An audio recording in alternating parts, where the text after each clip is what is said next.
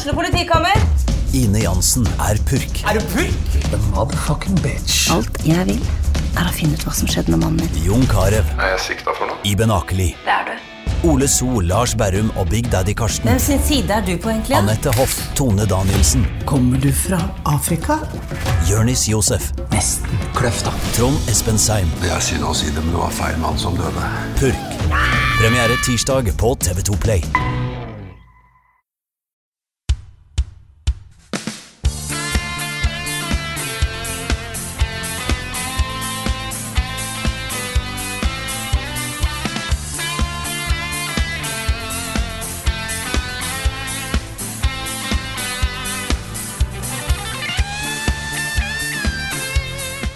Og da ønsker jeg hjertelig velkommen til en ny episode av podkasten Level Backup med meg, Frida Landmo. Og I dag har vi dessverre en ganske trist nyhet. Eh, hovedsakelig til, eh, til våre venner i nerdelandslaget. For nå har kjøttet gått. Ja. Kjøttet har gått, altså. Kjøttet har rett og slett gått bort. Ja, Ja. Forsvunnet. det. Helt eh, borte fra da Super Smash. Ja. Ja, ja for hva er det som har skjedd her? Hva er det som har skjedd her? Det har jo da um, Steve i Minecraft har jo da kommet til Smash. Og han har en sånn victory screen uh, når man klarer å vinne, sånn som alle Smash-karakterer har. Og der holder han en sånn svær uh, kjøttbit. Og måten den kjøttbiten er frama på, ser veldig veldig ut som en stor erigert penis. Gjør det? Det gjør det. Gjør det? Og det, enten så har Nintendo ikke catcha det, eller så har noen tenkt at det var gøy, og så har de bare klart å snike det forbi. Um, Jeg men tror kanskje Nintendo er litt for ja. Jeg tror Nintendo er Ja. veldig godtroende og har glemt at det kan være en ting, men nå har de altså fått fiksa det, i hvert fall før han kom ut.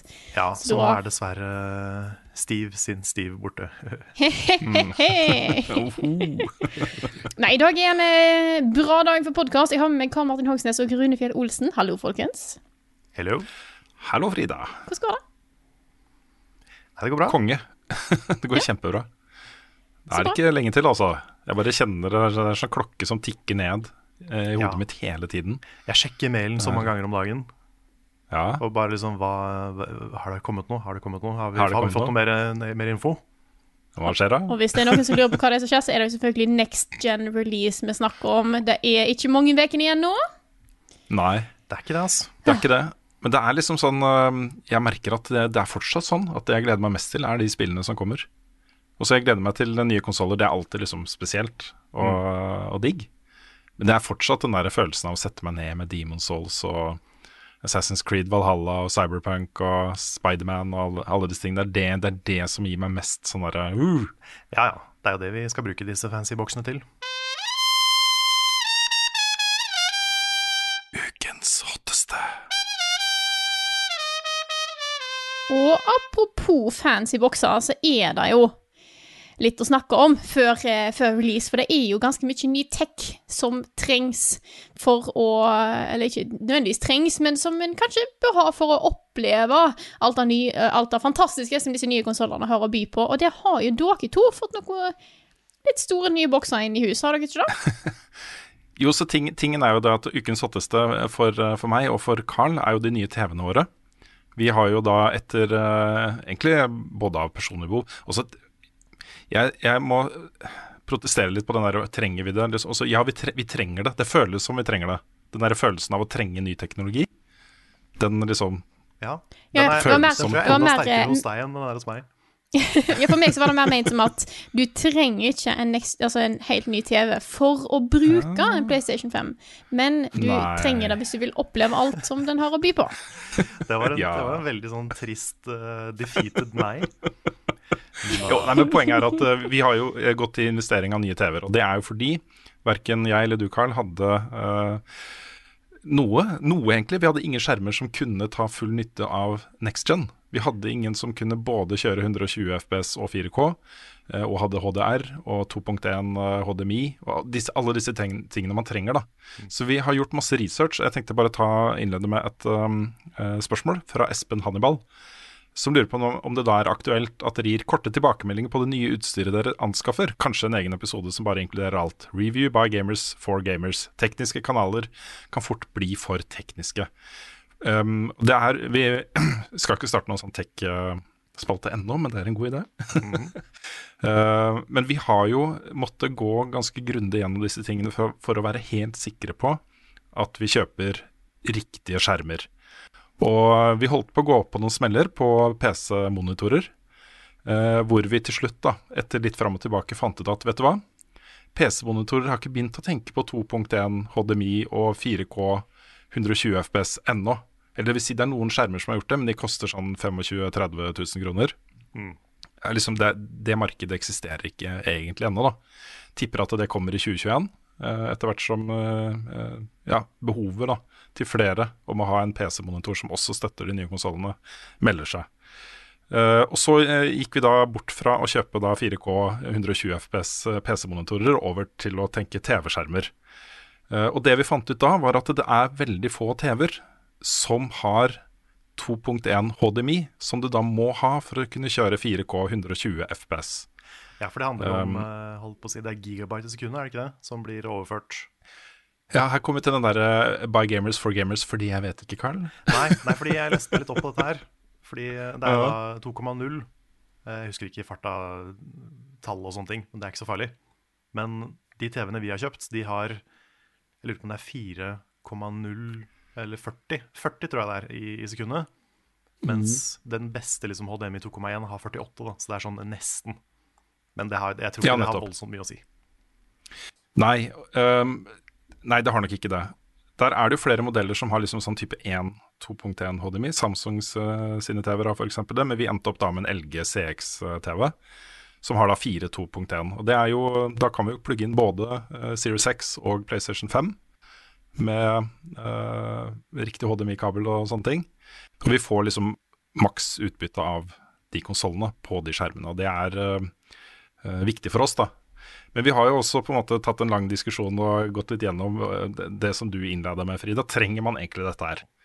Jeg tror nok at dersom du har øh, en, en vanlig, også en 4K-TV, med, med da øh, 2.0 HDMI, som da muliggjør 4K 60 FPS, så er du ganske good to go også for oversiktlig i framtiden.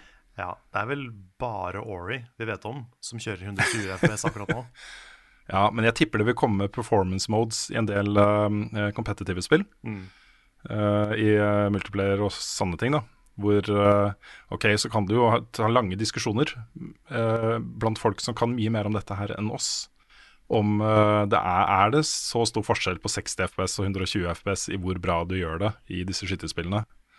Men uh, det er en følelse, tror jeg, da. Uh, om at det bare flyter litt bedre. Og at du kanskje med den flyten får litt sånn følelsen av å gjøre det litt bedre også. Ja, fordi For jeg var jo og Ja, Nei, sorry. Ok, eh, nei, jeg, jeg, jeg var jo egentlig ganske fornøyd med TV-en min fra før av. Eh, men det er et par ting som den mangler.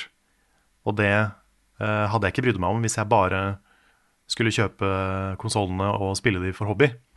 Men det er litt med sånn når man, når man skal anmelde spill og teste opplevelser og sånne ting, så er det kult å liksom kunne sjekke ut HDR og sånne type ting, da. Fordi TV-en min nå har ikke HDR. Um, og heller ikke voldsomt høy responstid og sånne ting, som er litt mer relevant for sånn vanlig gaming. For det også, og det også er jo ganske viktig. Responstid. Absolutt. Ja. Kjempeviktig. Ja, for nå driver jeg Så- og, og, nå driver jeg og på en måte søker som en tulling. Eh, for jeg vet at jeg har 4K60 eh, på min nye TV. Og den har i hvert fall eh, HDMI 2.0. Om jeg er usikker på om den har 2,1, men da tror jeg egentlig ikke. Men jeg tror, for min del Jeg har HDR, jeg har 4K, 60 FPS. Det holder plenty for meg, altså. Ja, det holder. Og jeg tror folk må nå være klar over at uh, i løpet av 2021 så kommer, kommer det markedet der til å eksplodere. Eh, og prisene kommer til å gå veldig ned. Og så Den TV-en vi kjøpte, vi fikk jo en veldig hyggelig pris av Komplett. Eh, masse rabatt. Det var veldig, veldig hyggelig. Eh, men den TV-en vi kjøpte, koster jo egentlig 18 000 kroner. Oh, fy faen. Og jeg tror at du i løpet av 2021 får kjøpt en like god TV til omtrent halve prisen. Det er min spådom, da. Eh, fordi her kommer det til å bli et rotterace, og det kommer flere og flere produsenter på banen som tilbyr eh, Som kan tilby den teknologien her billigere og billigere.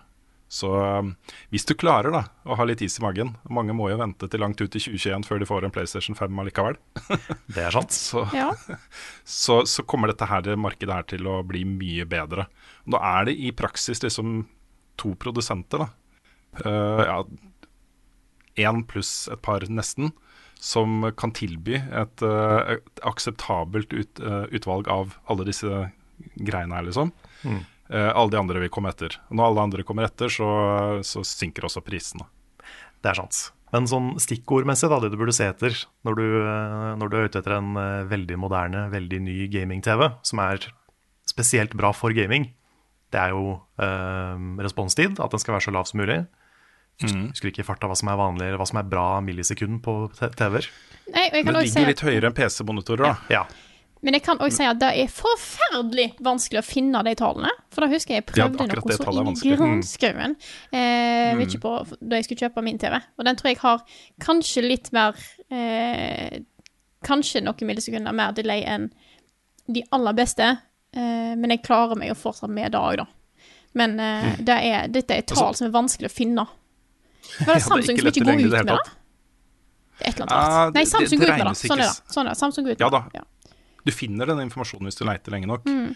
Uh, poenget er at på PC-monitorer så opererer jo de gaming-monitorene med liksom 1-2 millisekunder. Mm. På TV-er så er det vanlig med opptil 30 uh, millisekunder på Mm. vanlig, vanlig bruk. Uh, det jeg har sett på vår TV, er at når du skrur på spillmodus i innstillingene, så tror jeg du ligger rundt sånn 7-8, eller noe sånt. Det er veldig bra i så fall. Normalt, Mm. ja, normalt 15. Jeg, jeg er ikke helt sikker på det tallet. Nei. Men uh, i hvert fall så har jeg sett da, at det er en del av disse skjermene som gjør det. Når du skrur på spillmodus, så øker den liksom respons... Eller synk, senker Ja, yes. det er alltid litt forvirrende Han- med øke og senke og sånn. Men eh, Han, eh, Men han det- skipper litt sånn ekstra prosessering for at det skal gå Mm. kjappere. ja, Ja. for du har jo en del sånne veldig fancy funksjoner i TV-er, i moderne TV-er, som gjør bildet klarere og finere og smoothere og, og sånn. Men alle de funksjonene gjør jo at uh, den, uh, at den input-lagen blir høyere. Ja, det er bare skru av. Jepp. Så uh, bare sett på game mode. De fleste TV-er har det, Mm. og da får du da respons høy lavere responstid. um, så det er det første. liksom Sjekk responstid. Det andre Mm. er eh, HDR, som, er, som har med farger og kontraster og hvit, hvit og svart og de, de tinga der. Eh, og det tredje er da HDMI 2,1, som, Mm. som er betydelig mer enn 2,0. Hvis du har tenkt Ja. å kjøpe da, eller hvis du har tenkt å prøve å få 8K eller 4K 120. Det er helt sant. Er ikke det jeg, det, det viktigste? Jo, Jo. det er de viktigste tingene. Og så vil jeg da også legge til, uh, som en sånn tilleggsinfo, til en, uh, en helt fersk eier av en 4K-TV. Og det er uh, Nå har jeg prøvd liksom litt forskjellige filmer. Jeg har prøvd å sette meg ned med The Matrix på Blu-ray Og den gjør noe med liksom fargene og, og sånt som, som, som den filmen Det var ikke meningen at den skulle se sann ut da de lagde den, og ha den teknologien da de lagde den. Så det er noen av disse TV-programmene og filmene jeg har sett som nesten virkelig, virkelig sånn hjemmesnekra. At noen står med et handikam og liksom filmer, da. Fordi det er et eller annet med prosessering av bildene som, som gjøres da, i den 4K-prosessen. Ja, for det er ikke den der 100 hertz-effekten du tenker på? Den som gjør Ja, det kan, kan hende, altså. Det kan hende. For det var det folk reagerte veldig på da Hobbiten kom. At det, det så ut som det var høyere framerate, og da så det mer handicam ut. Ja. Så det er noe som folk bare ikke er vant til på film. Jeg tror jeg skal sjekke litt mer der, for jeg tipper at det er en sånn filmmodus på den som jeg ikke har oppdaga ennå, som, eh, som skrur ned hatchen eller gjør et eller annet da, for å få det til å se bedre ut. Men det var en stor overgang, og det er litt sånn rart. Det var rart å sitte og se på TV-seriene mine og filmene mine, og så så de bare helt annerledes ut enn det jeg hadde gjort før. så, men jeg skal jo primært bruke den til spill selv, nå, så det er ikke så, det er ikke så farlig. Og så kan jeg òg anbefale, i, for det, det første vi gjorde da vi kjøpte oss 4K-TV, var å kjøpe en ny Chromecast som støtter 4K.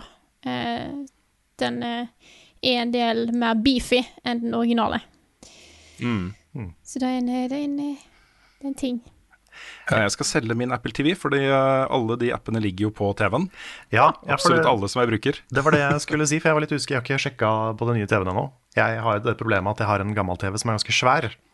Så jeg må vente til jeg får besøk og kan få noen til å hjelpe meg å løfte den gamle TV-en ned fra bordet. Kan du ikke bare vippe den over? Nei, Liksom, vippe den over. jeg kan, kan ikke det. Det, det er skummelt. Så, um, men, uh, men jeg er veldig spent på liksom kvaliteten på det, fordi jeg har jo noen sånne apper på Samsung-TV-en min også. Men jeg har jo ikke Disney Pluss, eksempel. Så uh, Den er der. nice. For det, er, det kan hende det på en måte da er en innebygd Chromecast. Kanskje ikke jeg trenger en Det er mange av disse som har innebygde ting. Uh, Mm. Jeg vet uh, De fleste smart-TV-er kan du caste direkte til. Mm. Men jeg er veldig glad i Chromecast sine ekstra liksom, småtingfunksjoner, så derfor er jeg bare Ikke at jeg egentlig vet, jeg har ikke undersøkt om TV-en min kan gjøre det, men jeg syns det å bevege seg i apper på en TV er mye mer kronglete enn det er å bare gjøre det på telefonen. Mm. Og det gir lettere òg fordi at siden vi er flere som gjør det, så er det på en måte greit at da kan jeg på en måte finne mine videoer som jeg har i min YouTube-feed, og sette dem på, og så kan Petter finne sine videoer som er i hans YouTube-feed. Eh, mye enklere, da. Mm. Men jeg kunne jo teste det til TV-en, men jeg, jeg orker ikke det. Chromecasten funker fjell. Ja. Ja, for det er en fin måte å teste det på. Det er bare å ta en YouTube-video, og hvis du får opp et sånt ikon, sånn cast to device, og du kan velge TV-en din, så har du det. For da starter Ja, for jeg- YouTube automatisk. Ja, jeg tror han har det innebygd, men jeg bare endte, bare endte opp med å kjøpe en. Fordi, ja. Yes. Men da sjekk det òg. Det er litt greit at TV-er har sånne ting. Men de fleste TV-er nå er smarte uansett, så ordner seg.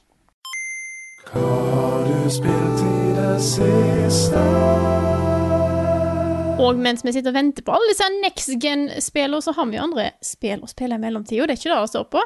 Rune, du har spilt noe helt nytt, du har det ikke det?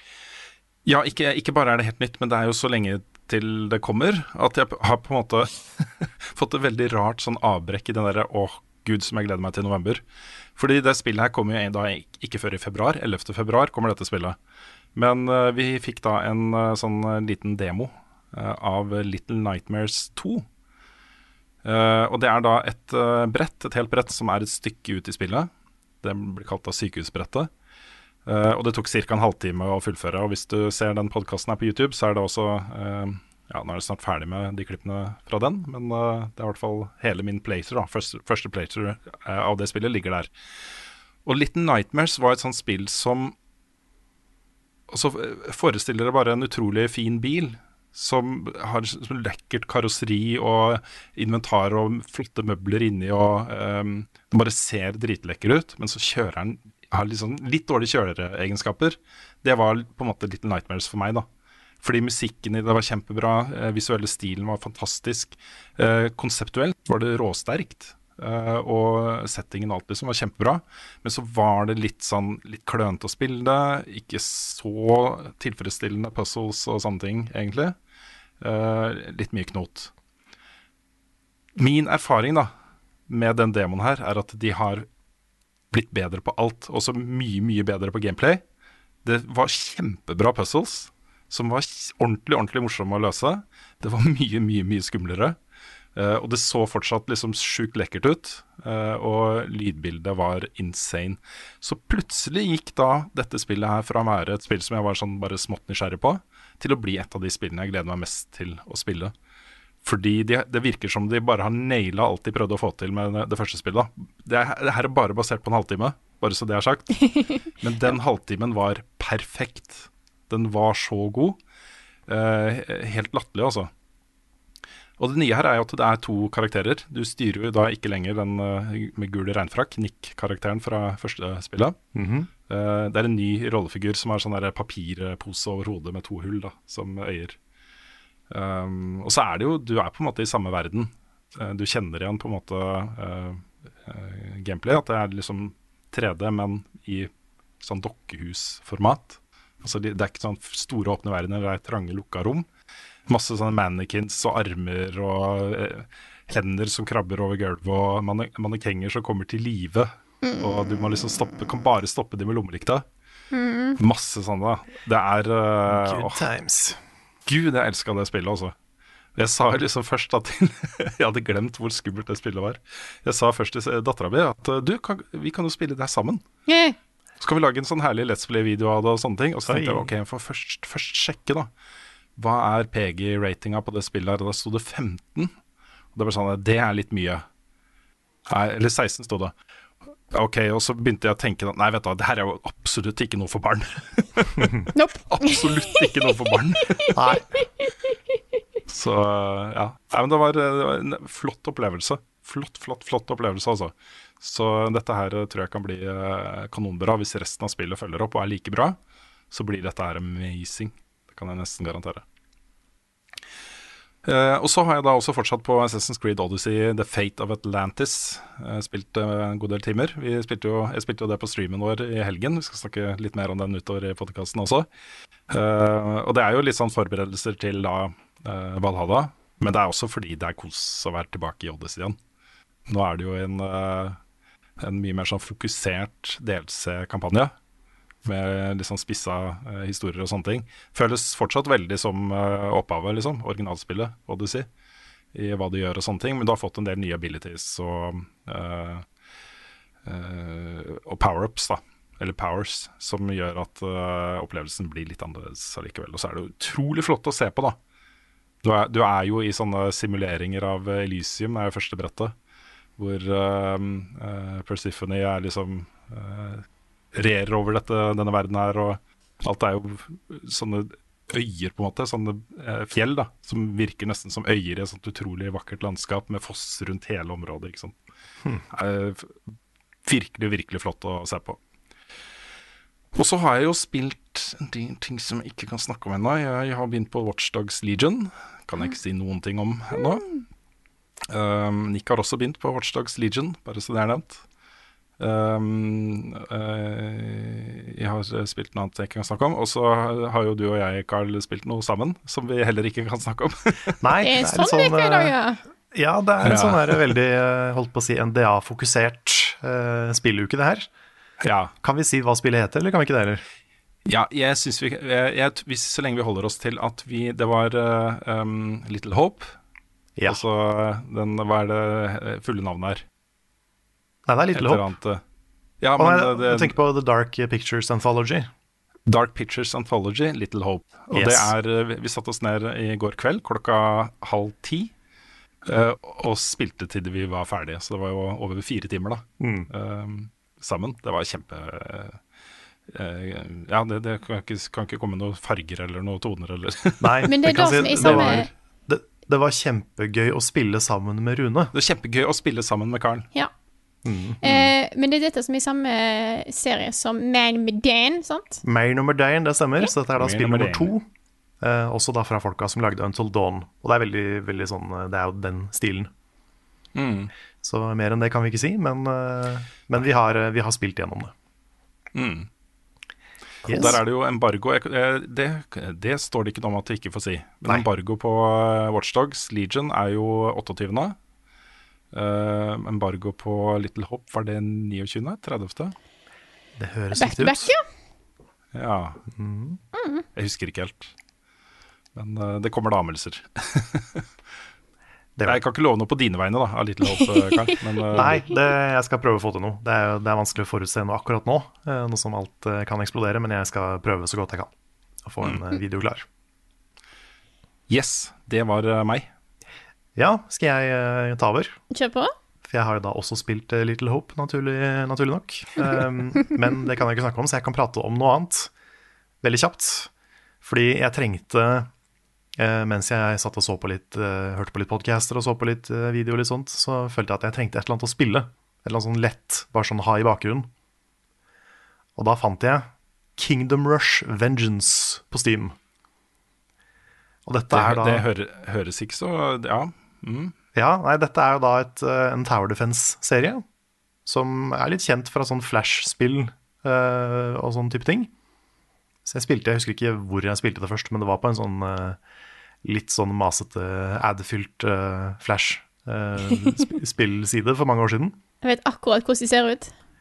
Ja, og det mm, Det har jo vært en serie som jeg har likt ganske godt, fordi jeg er veldig glad i Tower Defense. Det er ingenting som overgår det første Plants vs. Zombies for meg der. Men jeg syns den sjangeren er kos, da. I hvert fall som en sånn halvveis eh, Hvis du er bare halvveis fokusert, så du trenger noe å gjøre mens du f.eks. hører på en podkast, da. Og det er jo fortsatt gøy. Det er ingen mikrotransaksjoner, ingenting sånt. Så du kan liksom Du må bare bli god i spillet for å låse opp ting, og så bli bedre og bedre og bedre. Det er vanskelig. Så jeg merka det var ikke mange levels før jeg begynte å slite. Så um, det har bare vært en litt sånn litt sånn sideting som jeg sitter med. Og det har vært, vært sånn helt OK kos. Det kommer ikke noen anmeldelse eller sånn, fordi det er jo Det er for så vidt ganske nytt, det Vengeance-spillet, men um, det er mer et sånt på fritida kosespill, kombinert med andre ting. Du har ikke lyst til å besudle din eh, private send-space med jobb? Nei, ikke sant?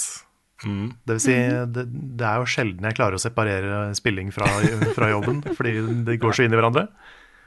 Men uh, jeg tenkte i hvert fall jeg kunne nevne det i podkasten, at det har vært litt sånn på sida av slappe av spill. Men uh, vi har jo spilt andre ting òg. Fordi vi hadde jo denne 24 timer lange livestreamen i helga. Da spilte vi ganske mye forskjellig. Da gjør vi. Mhm. Eh, Skal vi Det Det var en utrolig kul opplevelse, eh, den streamen. Eh, først og fremst så gikk det jo teknisk eh, helt smertefritt. Og så Vi satt jo i hver vår kant av landet og avløste hverandre med streams. Og det var liksom ned med én stream, opp med en annen. Og så uh, refresh Ja. Twitch, og så var man i gang igjen, liksom. Er. Um, resultatet ble jo fantastisk for oss også. For det, for det, for det første da, så var det jo sjukt hyggelig stemning hele veien. Ja, og Veldig det, bra. det skal man ikke ta for gitt på Twitch, altså. Nei. Det var da altså ikke bare blant oss, men blant altså, alle i chatten. Mm. Jeg tror ikke det var altså det, Nå jobba jo Modsa hardt, så det kan hende det var noe som ikke vi så, men Nei, det var, Det var- veldig lite. Det var kjempe, kjempelite, som jeg har fått inntrykk av. ja. For det, det var liksom bare god stemning, og ingen var dicks. Og det, det, ja. Jeg kommer ikke på noe som liksom gikk gærent, da. Nei, det var eh, kjempe, kjempeålreit. Og så gikk det jo, Dette er jo en stream som vi starta som en, et, et ledd, en del av en eh, sånn markedsføringskampanje vi har starta. Hvor målet vårt er å få inn flere på Patron. Sånn at vi da til eh, slutt, også som det endelige målet, kan ansette Nick på heltid. Stemmer. Uh, og der, siden vi la ut den første videoen, og i løpet av streamen, så endte vi opp med å gå opp over 3000 dollar i måneden. Det er Det er jo helt sjukt. Mm. Uh, på streamen også, det var jo nesten 8000 mennesker som uh, var innom. Totalt. Uh, snittet lå liksom på 450. Ja, og det, det er jo og det dippa aldri under 200 over hele natta. Ja. Ja, det er Og sant. det ble jeg litt sjokkert over. Det var da over 200 personer som satt og så på Dark Souls 2 fra klokka tre til klokka sju, nesten. Ja, stemmer det. Det er ganske drøyt, altså. Mm. Da Ja, mellom der så sov jeg to timer på sofaen før jeg skulle ta over. Det dippa jo under 200 midt, sånn litt ut i Assassin's Creed-streamen jeg hadde. Da gikk folk og la seg, tror jeg. Og så begynte folk å stå opp, og så var det jo en kjempepeak igjen mot uh, klokka tolv. da. Ja, Ja, ja. ja vi, fikk, vi fikk den første bølgen av folk som sto opp sånn midt i Dark Souls 2. Mm. Da begynte vi å se liksom navnet igjen som vi hadde sett i starten. Og så. Det var veldig gøy. Åh, nydelig. Ja, herlig. Men jeg ble faktisk overraska over at ikke det var tyngre. Mm. Jeg forventa liksom at et, Ja, jeg liksom at etter et par timer så kom jeg til å kjenne at uh, nå begynner stemmen å bli litt sånn raspete og litt sånn diverse. Men eh, jeg holdt meg ganske bra hele den eh, streamen, altså. Og selv om vi ble trøtte ganger på slutten der, da. Ja, Ja, da var jeg, men da, da var jeg i groggen. Da, da hadde jeg nettopp sto opp for å være med på avslutninga. Ja, ja, da, kan du, da kan du høre det. Men sånn utover natta, mener jeg, da. Mm. Så er det greit at vi ble trøtte, men, eh, men det var liksom god stemning, og det var uh, Energinivået var der, liksom. Jeg hadde jo Så sovet litt dårlig i nettene før, så jeg endte opp med å ta eh, en eller to timer mer søvn enn jeg egentlig hadde tenkt. Eh, men, da jeg, men jeg merka liksom utover kvelden, for vi hadde jo holdt på fra klokka tolv med et par pauser innimellom for eh, altså hver av oss. Eh, men det, da å streame da nesten i tolv timer var mye bedre greier enn jeg hadde trodd. Så tolv Vi henter energi Ja. fra hverandre, ikke sant? Sant, og fra ja, chatten og ja. fra Patron-backeren og Mm. Fra og det at vi kan, ja, det at vi kan liksom skru av mikrofonen og ta oss en halvtime lunsj eller middag, f.eks. eksempel Mm. Det også har mye å si, altså. Det har det. Men, eh, men det var gøy. Would, would stream again.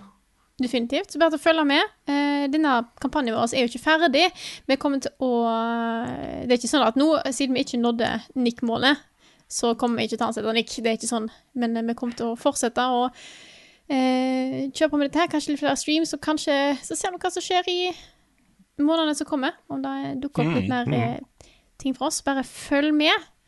Eh, hadde du noe mer du ville snakke om, Carl? Eh, nei, det var egentlig det. Ja. Jeg har fortsatt å spille Hades, det blir jeg aldri ferdig med, men det, det kan jeg snakke mer om i en anmeldelse som kommer etter hvert. Kommer om ikke altfor lenge.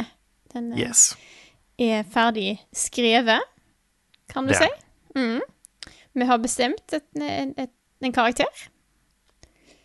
Så, så den kommer, så bare følg med. Eh, jeg har jo spilt Hades, mer Hades, jeg òg, men jeg har lyst til å nevne to spill som jeg streama sjøl på, eh, på 24-timersstreamen. Det var jo Celeste og eh, Witcher 3 Blood and Wine. Eh, to DLC-er som jeg ikke har egentlig fått satt meg, satt meg ordentlig i gang med. Eh, og Blood and Wine tror jeg har jeg bare så vidt vært dyppa tåa nedi, eh, så der har jeg litt igjen å gjøre. For å se når jeg får tid til det. Men Celeste var utrolig gøy å gå tilbake igjen til. Eh, for det er jo den ekstra biten og en slags som jeg ikke har prøvd meg på ennå før, før streamen. Og det gikk overraskende bra. Jeg syns det er morsomt å se på folk som eh, kan spille de spillene. Jeg fikk nesten litt sånn der Awesome Games Done Quick-feeling når jeg så på deg spille Celeste, Frida. At det så så Fordi- vanskelig ut. Ja, altså du, du døde jo mer da enn enn disse uh, speedrunnerne i Ja. Awesome Games eh, Done Quick. Men du fikk det jo til til slutt, uansett. Og når de runsa hvor du fikk det til, så var det sånn derre Shit, jeg kjenner Frida. Jeg, jeg vet, jeg har møtt Frida, jeg vet hvem hun er. Ja, sånn This pro gamer is my friend. Ja, liksom. ja, ja. Mm. ja. Nei, det, var, det er jo et veldig sånn perfekt meg-spill. Uh, og jeg vet ikke om jeg kommer til å fortsette på stream. Det er jo litt annerledes å på en måte sitte på stream og skal kunne få det til. Så jeg var jo redd for hvordan det kom til å gå, for denne scenen her er jo vanskelig. Men jeg er, jeg er imponert over egen, egen innsats. Det har du all grunn til å være. Nei, det, var en, det ble en sånn egen stemning, i hvert fall når vi kunne se deg live. Um, prøve igjen og igjen og igjen. Mm. Jeg kjente liksom det, det spente seg så til i rumpa når du nesten klarte det. Ja. Og, eh, og når du endelig får det til, så får du den derre yes! Og så Det er det var- bare liksom det på var- på'n igjen med neste challenge. Det er Celestia Ja. nøtteskall. Åh. Det er det. Men det, det det, det var høyt eh, skill-nivå helt fra starten, altså. Ja, det ble, var det jeg ble mest imponert over. Fordi når jeg så på deg i starten, eh, dø og dø og dø og dø, dø så spretter det en sånn, sånn stemning blant både oss da eh, i Level Up, og de som så på. Den derre vi, vi hadde på en måte sympati med deg. Vi satt og kjente Det var som om vi selv på en måte spilte det, og den frustrasjonen, og orker vi det? Og jeg har jo prøvd med starta på Celeste selv, og møtt den veggen liksom, og vært sånn det her orker jeg ikke. Men du bare pløya gjennom. Det var ikke snakk om å gi deg, liksom. Det var ikke, Nei, nei. Det var ikke noe du tenkte på engang. Ikke, sant? Det var bare Nei, dette, dette går bra. Jeg får til dette her. Det går bra. Ja, Celeste handler jo om å climb the mountain, og du, du climb the mountain, Frida. Oh, Oh, yes. yeah. Helt opp til månen.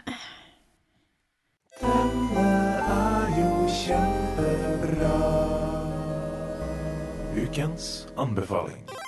Denne gangen her så har jeg en liten anbefaling på lur. Og det er en, kanskje en litt sånn annerledes anbefaling, men det er noe jeg har Det, det er et album, faktisk, eh, som jeg har hørt veldig veldig, veldig mye på denne uka her. Av en eller annen grunn. Jeg er litt fortsatt usikker på hvorfor, hvordan jeg havna inn her, men jeg tenker at hvis det er andre som plutselig kan få den gløden over seg av, liksom, av å høre på dette albumet her, sånn som jeg har gjort nå, så tenker jeg hvorfor ikke?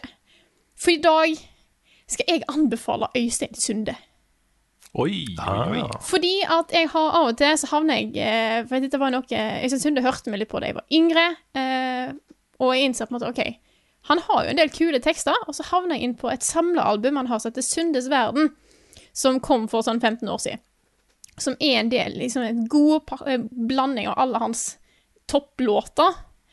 Og der er det altså så mye gull når det kommer til sangtekster og gitarspilling. For fyren er jo dritflink til begge deler. Eh, så det er liksom en sånn god blanding, bare litt sånn humoristiske, velskrevne låter. Som av og til bare er litt kos. For jeg har eh, gått mye fram tilbake igjen på, på lab denne uka her, gått og knota med et instrument.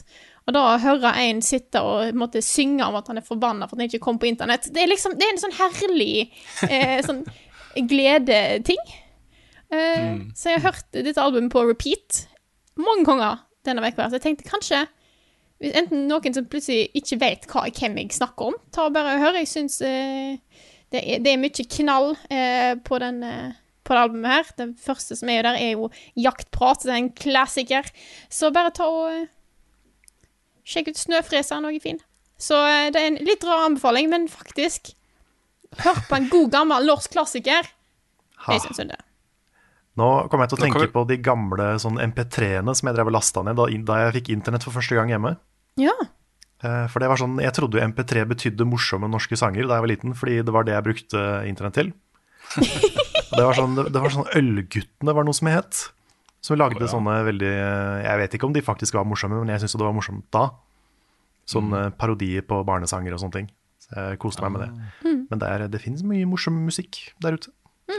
Det fins mye bra, gammelt uh, innhold. Generelt. Det gjør det.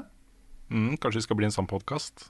Ja, sånn nostalgipodcast. Ja, bare snakker om Å, husker du da vi var unge? Ja. Jeg vet, det mange av lytterne våre som ikke var født engang da Øystein Sunde ga ut uh, det samla albumet Frida. ja. Så derfor er tenker jeg at jeg kan være den som bidrar med litt, Ja, det er veldig bra. Altså. litt the classics så, til folket. Eh, så da, da tenkte jeg at vet du hva, ingen, hvis ikke vi har noen andre anbefalinger denne uka, så blir det da. Og da ble det det. Ja. Så Kjempebra. Kan vi gå videre før Carl kommer med en hverdagsanbefaling, eller?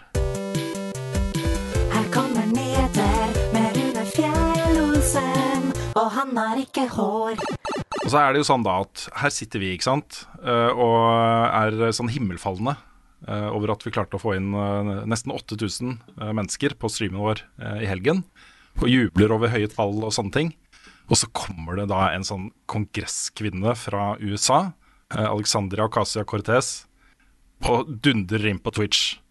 Hun eh, hadde eh, på det meste, mens hun streama Among us, 439 000 seere oh, samtidig. fy fare. God damn. Det er helt insane. Eh, ja, den streamen gikk da inn på topp 20 all time på Twitch. Eh, mest sette streams. Eh, og utgangspunktet her var at hun eh, litt i forkant gikk ut på Twitter og sa at jeg har lyst til å streame på Twitch Among us eh, for å eh, få folk til å stemme i valget i november. Og hun fikk jo med seg et sånn dream team av store Twitch-streamere. Det var jo da blant annet uh, Pokimane, Myth, Hasanabi, uh, H-Bomber Guy. Jeg lurer på om PewDiePie var innom. Syns jeg så Ja, men toast òg. Toast var innom. Ja, ja det var flere som På var innom. laget, ikke sant. Ja, Så masse, masse folk da som uh, støtta opp om dette her og, uh, og bidro. Og så var det da mange av oss, uh, med noen pauser innimellom, hvor uh, AOC snakka da om eh, betydningen av å stemme i valget uh, 3.11. For jeg tenker at uavhengig av om du er på hennes side i politikken eller ei, så er jo det å fremme det å stemme er jo Ja. veldig viktig. Og så er Ja, det, det er det er jo kult at det kommer fra henne også, for hun har blitt en litt sånn der, eh, holdt på å si, eh, rockstar i eh, amerikansk politikk de siste åra. Uh, har jo Mm. fått en stor følgebase og er jo veldig sånn ung og moderne. Så det, hvis noen skulle streame Among us, så måtte det på en måte vært henne. Og det er, veldig, det, Ja, det, er, fikk- det er spenstig gjort, fordi du, Ja, det er du, du åpner deg opp for ganske mye dritt fra chat og kommentarfelt og diverse ting. Så det er, jeg syns det er tøft. Ja, Hun er så stor eh, stjerne at jeg har glemt hva han andre politikeren som var med, heter. det er jo en kollega av henne i, i eh, USA. Ja, det husker ikke jeg heller i farta. Nei. Men, eh, men det budskapet er jo sjukt viktig uansett. Også det er tverrpolitisk. Bruk stemmeretten din. Og jeg fikk litt sjokk når jeg så For jeg trodde valgdeltakelsen var høyere enn enn den er i USA. Nei, kjempelov. Eh, ja, det er jo 50-60 millioner eller noe sånt som stemmer. Og det bor jo 350 millioner mennesker der, liksom. Så um, Men har det ikke ja. vært ganske mye oppgang i år hittil? Med i hvert Eh, fall ja. tidlig stemme? Jo. Ja, det er jo kommet over 20 millioner forhåndsstemmer. Så ja. de anslår da at valg, valgdeltagelsen vil bli vesentlig høyere i eh, år enn den har vært før. Men uansett så kommer den til å være lav. Det er, det er veldig sånn herre Folk bryr seg ikke så mye om politikk. Type holdning, da. Eller tenker at min stemme betyr ikke noe. Så er det jo mange som ikke får stemme fordi de har blitt øh, øh, ekskludert fra Ja. stemmelistene. Det er, for du må registrere deg for å stemme også i USA. Ja, det er veldig Det er, mye, det er mye dritt i det systemet der. Altså. Er, vi har det ganske bra i Norge sånn sett. Altså Det er en del av de greiene som skjer der borte nå, som minner veldig om sånn banan, bananrepublikk-tendenser. Altså med eh, Det blir satt ut sånne falske stemmebokser i California. Ja, ja. Og sånne svære, skumle stemme-watchers som skal skremme deg mm. vekk fra å stemme. Ja, og så nedskalering av antall steder man kan stemme. og Særlig i fattige nabolag og sånne ting. Mm. Det er mye og gerrymandering, alle de tingene der. Ja, det er Ja, Ja. det er fucked up. Og folk blir jo stående fem, seks, sju timer i kø for å få lov å stemme, fordi det, det er så dårlig opplegg. Og sikkert da mye med vilje mange steder. Ja, det er uten tvil mye med vilje. Så, så bare det å få oppmerksomhet rundt eh, det at man eh, eh, bør bruke stemmeretten sin, er jo superbra. Fordi alle har, alle har muligheten til å stemme, på et eller annet vis. Selv om det er vanskelig for mange. All right. Um, en liten Twitch-begivenhet ble det uansett. Med alle disse kjente streamerne uh, i kombinasjon med da AOC. Det er kult. Nå er det liksom Rockstar. har- Alle vet hvem man snakker om når man sier AOC. Ja, Skal ikke se bort fra at uh, vi har en eh, fremtidig president der. Nei, det blir veldig overraska hvis, uh, hvis ikke hun en gang stiller som kandidat for uh, Demokratene. Mm. Kan også forresten anbefale H. Bomber Guy. Han er veldig morsom og veldig, han har veldig bra videoer. Han som var med på Ja, stream. ja. Han er ordentlig, ordentlig morsom. Det skjer ting og tang i Ubisoft om dagen. Ikke bare skal de lansere to av høstens eh, største spill, eh, med da Watchdogs Legion og Assassin's Creed Valhalla. De endrer nå også um, hvordan de har denne her Uplay og uh, Ubisoft Club-konseptene sine. De slår de sammen og lager en ny tjeneste som heter Ubisoft Connect, som lanseres samtidig med Watchdogs. Og dette er da et lojalitetsprogram, akkurat sånn som GamePass, hvor eh, det at du bruker, bare spiller Ubisoft-spill, gir deg eh, altså ferdighetspoeng som du kan bruke igjen til å liksom skaffe deg skins og sånne ting i spillene du spiller. da. Um, samtidig introduserer de crossplay mellom PC og konsoller. Uh, hvis du er en del da, av eh, Ubisoft Connect. Og jeg tipper du må være en del av det hvis du skal spille disse spillene. Akkurat som du må ha Uplay da, for å spille Ubisoft-spill i dag. Kan vi ta en liten digresjon på det? Ja, Fordi vi skulle jo spille Monopol på, på den 24-timersstreamen vår. Og det var vel flere av oss, jeg tror det var to stykker. eh, For vi spilte jo seks personer samtidig. jeg, jeg hadde problemer. Ja, du hadde problemer, og Svendsen, mener jeg å huske. Ja. Han hadde mer problemer. Ja, Han hadde enda mer problemer. Fordi flere av oss sleit jo da med at når vi starta spillet, så bare krasja det. Det bare, Ja. det bare gikk Altså, det, det er ikke så ofte man ser et spill bare krasje på PlayStation. Nei. Nei, ikke bluescreen, rett og slett, på PlayStation. Nei, sant. Så, så um, prøvde vi å google, da. Hva, hva var grunnen til det her?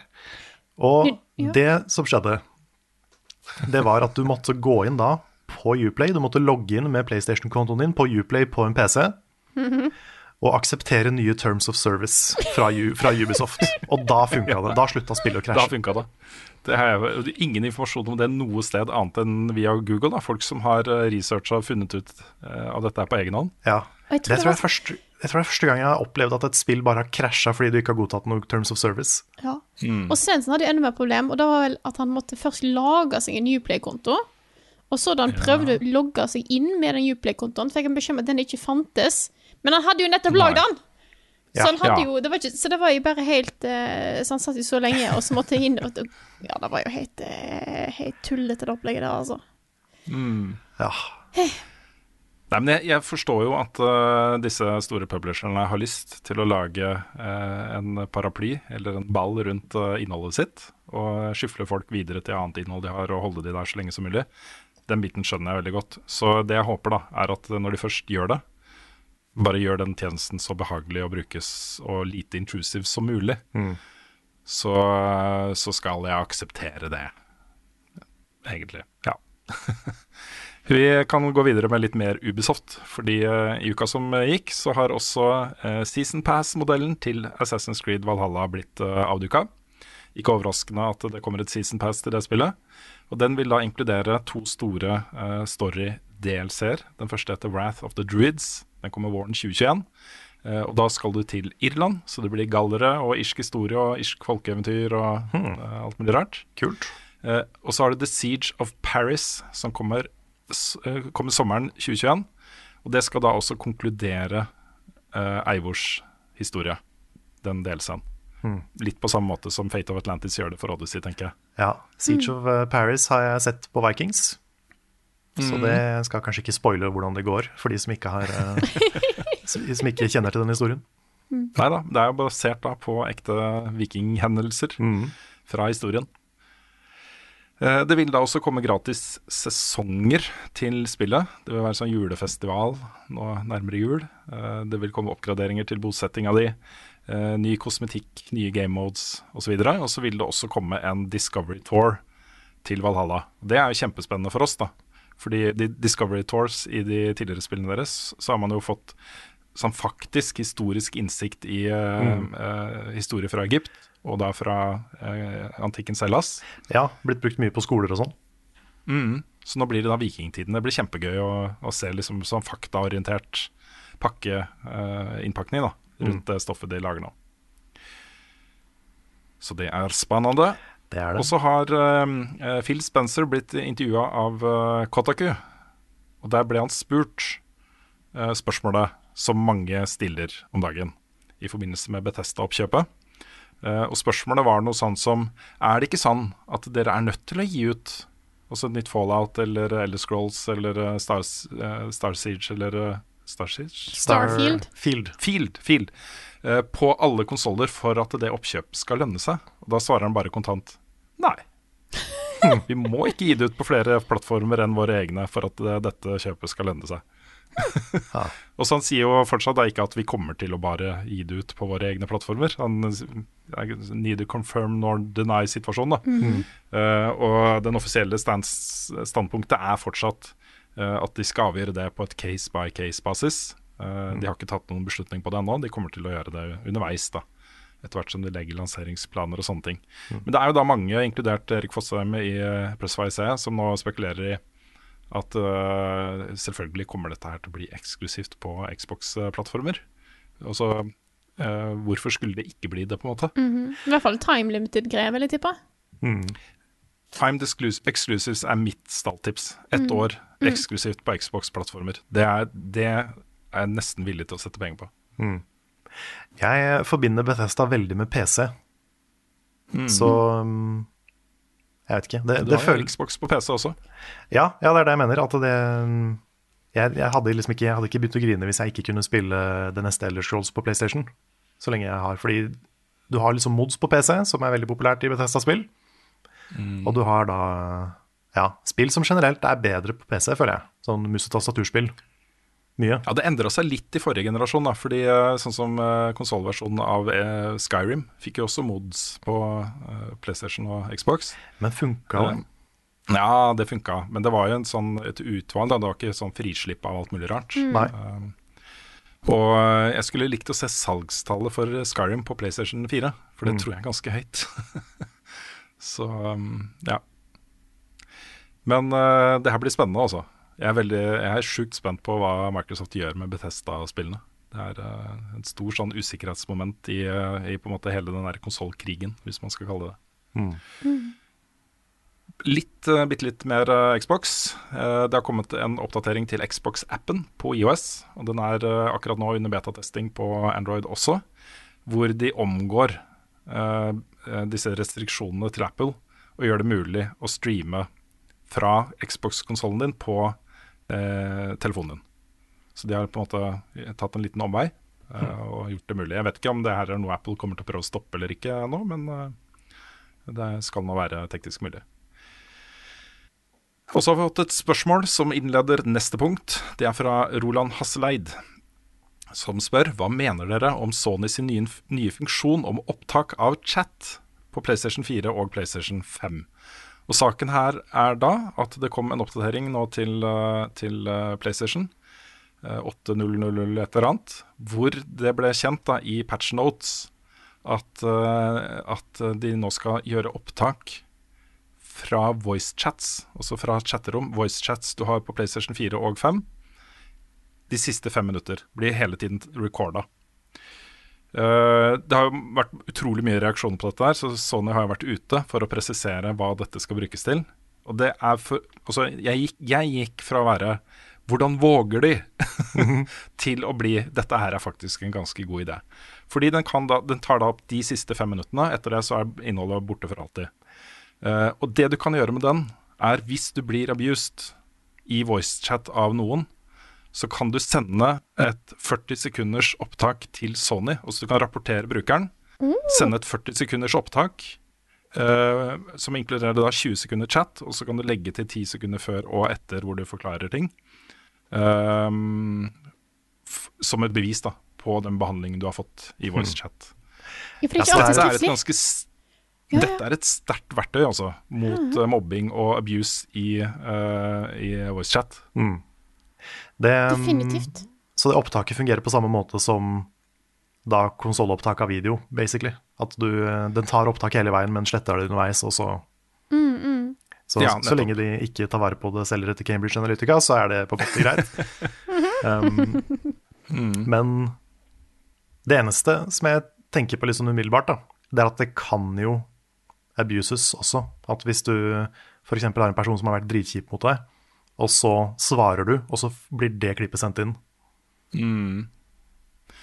Ja, nei, men det er på en måte Det, det gjenstår på en måte å se da hvordan de bruker disse eh, klippene, og hva slags reaksjoner eh, de eh, har på den bruken.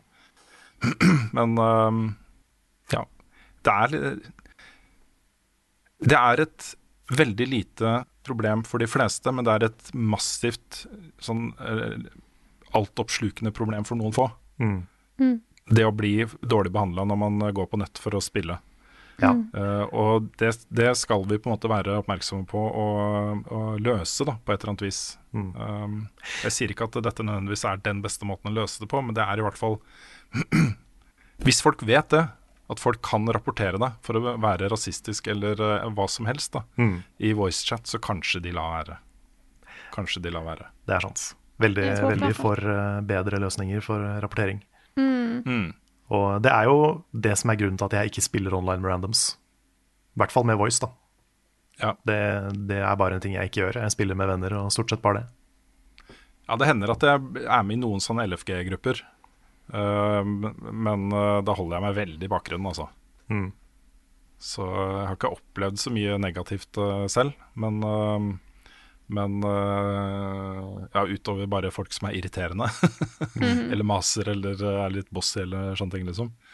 Um, men jeg foretrekker jo Hver gang jeg kan, så velger jeg å spille med folk jeg kjenner. Selvfølgelig. Uh, I forlengelsen av dette, i samme patch, så kom det en annen nyhet som folk er veldig misfornøyde med. Eh, og som Sony har også gått ut og sagt, at vi har fått med oss at folk er misfornøyde, og vi skal se på dette her. Det er ikke sikkert at det blir sånn. Men det de har gjort, er at eh, det ikke lenger er mulig å bare joine et voice party på PlayStation. Du må være en del av en meldingsgruppe. Altså Du må være i dialog med de menneskene du skal chatte med fra før, via eh, mess Messages-delen. da Så du lage, det du må gjøre, er at du må lage og oppdatere på en måte vennegrupper via eh, meldingssystemet på PlayStation for å kunne introdusere de inn i stemmechat-grupper. Og det er eh, jeg tenker at Hvis du har den der eh, andre funksjonen med at du kan rapportere folk med voice, så mener jeg den er ganske unødvendig. da. Fordi det her setter jo en ganske stor bremser for eh, LFG, altså Looking for Groups. Um, greier på Discord og sånne ting. Hvor folk liksom bare samles. De har ikke nok venner til å ha et raid, f.eks. Så de bare samler en haug med randoms inn i en voice-gruppe, og så kjører på, liksom. Eh, hvis du er på PC, så har du Discord. Det er ikke kanskje et megastort problem i utgangspunktet, men spiller du primært da på PlayStation, så er det vil bli et ganske stort problem. Da må du drive og bli venner og sende hverandre meldinger og fram og tilbake og, og sånt for å kunne stemmesnakke med hverandre. Da. Det er veldig rotete og vanskelig. Ja, det er litt rotete. Du kan jo fortsatt bruke Discord på telefon og sånn eventuelt, men, eh, men det er jo et annet eh, et, et skritt til, på en måte. Ja, og så i tillegg da så eh, er det jo det at du får ikke lyden på spillet like bra. Nei, det er sant. Nei. Nei, den, de st- voice-chat-greiene på både Xbox og PlayStation har blitt ganske gode. De var ikke gode på Eller Microsoft sin var ganske god på 360. Uh, Sony sin var elendig på PlayStation 3. Ja, ja, ja, den sugde. Ja, men på PS4 og Xbox One så har begge to blitt ganske bra. Det er ganske god kvalitet på de chat-løsningene der. Eh, Så tror jeg jo da at eh, Discord er jo, har blitt så svære nå. Ja. Jeg blir overraska hvis ikke det kommer Discord-apps til de nye kon- konsollene. Det kan nok hende. Vi ser jo allerede at uh, spillutvikler har muligheten til å integrere Discord i spillet. Som en eh, funksjon, liksom. At det er en direkte kobling mellom Discord og spillet fra før.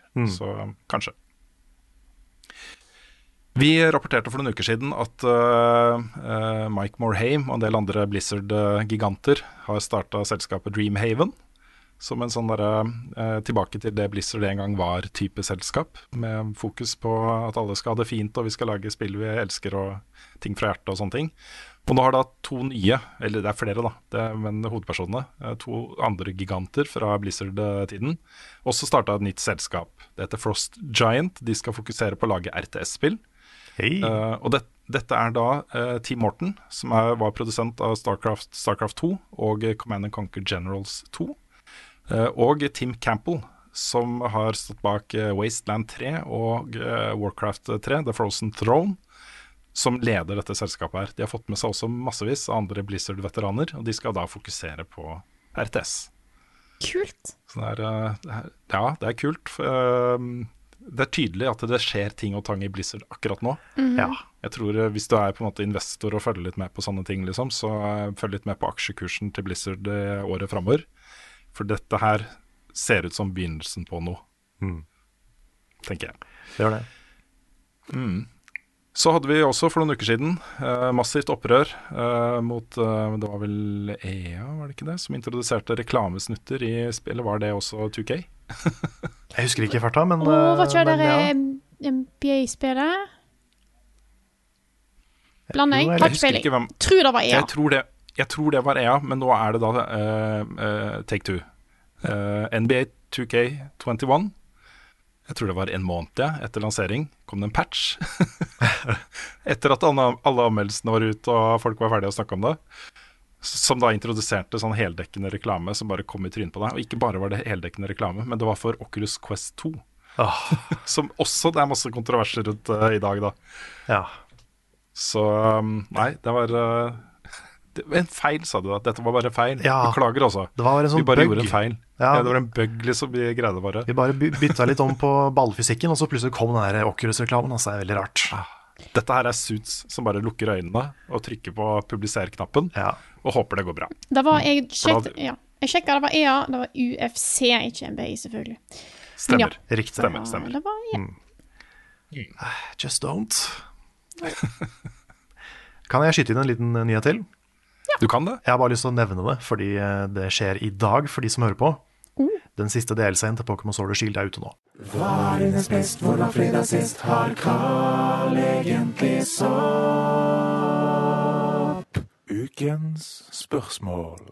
Og vi fyrer løs med spørsmål fra Marius Hansen. Han skriver med tanke på suksessen dere hadde i helga, har dere vurdert å arrangere noe lignende for innsamling til veldedige formål?